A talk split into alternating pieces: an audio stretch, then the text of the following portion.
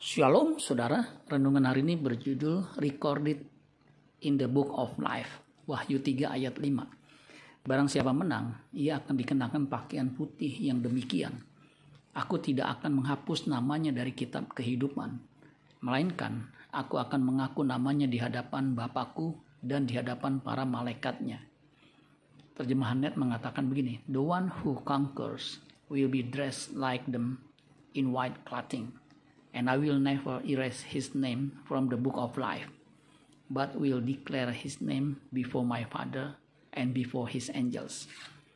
Tuhan berjanji tidak akan menghapus nama kita dari kitab kehidupan, the book of life. Siapa yang akan terus tercatat di dalam kitab kehidupan? Wahyu 3 ayat 4. Tetapi di Sardis ada beberapa orang yang tidak mencemarkan pakaiannya. Mereka akan berjalan dengan aku dalam pakaian putih karena mereka adalah layak untuk itu. Orang yang tidak mencemarkan pakaiannya, mereka yang berjalan dengan Kristus dalam pakaian putih. Apakah maksud tidak mencemarkan pakaiannya? Wahyu 3 ayat 4 terjemahan sederhana Indonesia mengatakan, tetapi hanya beberapa orang saja di antara kalian jemaat Sardis yang tidak menodai diri mereka dengan melakukan kejahatan. Setiap kamu akan berjalan bersamaku dengan pakaian putih, karena kamu pantas menerima kehormatan itu. Mereka yang hidup dalam kebenaran, kesucian, atau mereka yang mengenakan Kristus yang akan tercatat dalam kitab kehidupan. Pakaian putih atau lenan halus adalah perbuatan-perbuatan yang benar dari orang kudus. Wahyu 19 ayat 8. Dan kepadanya dikaruniakan supaya memakai kain lenan halus yang berkilau-kilauan dan yang putih bersih lenan halus itu adalah perbuatan-perbuatan yang benar dari orang-orang kudus. Itulah yang Kristus tuntut atas orang kudusnya untuk dikenakan.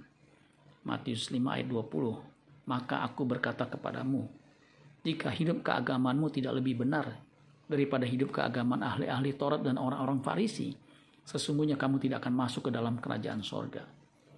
Mereka yang mengenakan lenan halus bukan saja nama mereka tercatat di buku kehidupan, melainkan mereka juga akan memerintah bersama dengan Kristus di kerajaannya. Wahyu 4 ayat 4. Dan sekeliling tahta itu ada 24 tahta. Dan di tahta-tahta itu duduk 24 tua-tua yang memakai pakaian putih dan mahkota emas di kepala mereka.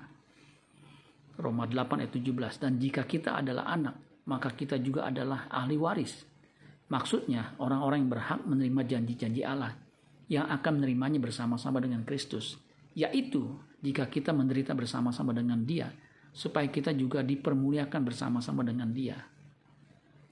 Wahyu 20 ayat 4 sampai 6. Lalu aku melihat tahta-tahta dan orang-orang yang duduk di atasnya. Kepada mereka diserahkan kuasa untuk menghakimi Aku juga melihat jiwa-jiwa mereka yang telah dipenggal kepalanya karena kesaksian tentang Yesus dan karena firman Allah. Yang tidak menyembah binatang itu dan patungnya. Dan yang tidak juga menerima tandanya pada dahi dan tangan mereka. Dan mereka hidup kembali dan memerintah sebagai raja bersama-sama dengan Kristus untuk masa seribu tahun. Tetapi orang-orang mati yang lain tidak bangkit sebelum berakhir masa seribu tahun itu Inilah kebangkitan pertama. Berbahagialah, berbahagia dan kuduslah ia yang mendapat bagian dalam kebangkitan pertama itu. Kematian yang kedua tidak berkuasa lagi atas mereka, tetapi mereka akan menjadi imam-imam Allah dan Kristus. Dan mereka akan memerintah sebagai raja bersama-sama dengan dia seribu tahun lamanya. Pastikan nama Anda tercatat di sorga. Lukas 10 ayat 20. Namun demikian janganlah bersuka cita karena roh-roh itu takluk kepadamu. Tetapi bersuka citalah karena namamu ada terdaftar di sorga. Amin buat firman Tuhan. Tuhan Yesus memberkati. Sola Gracia.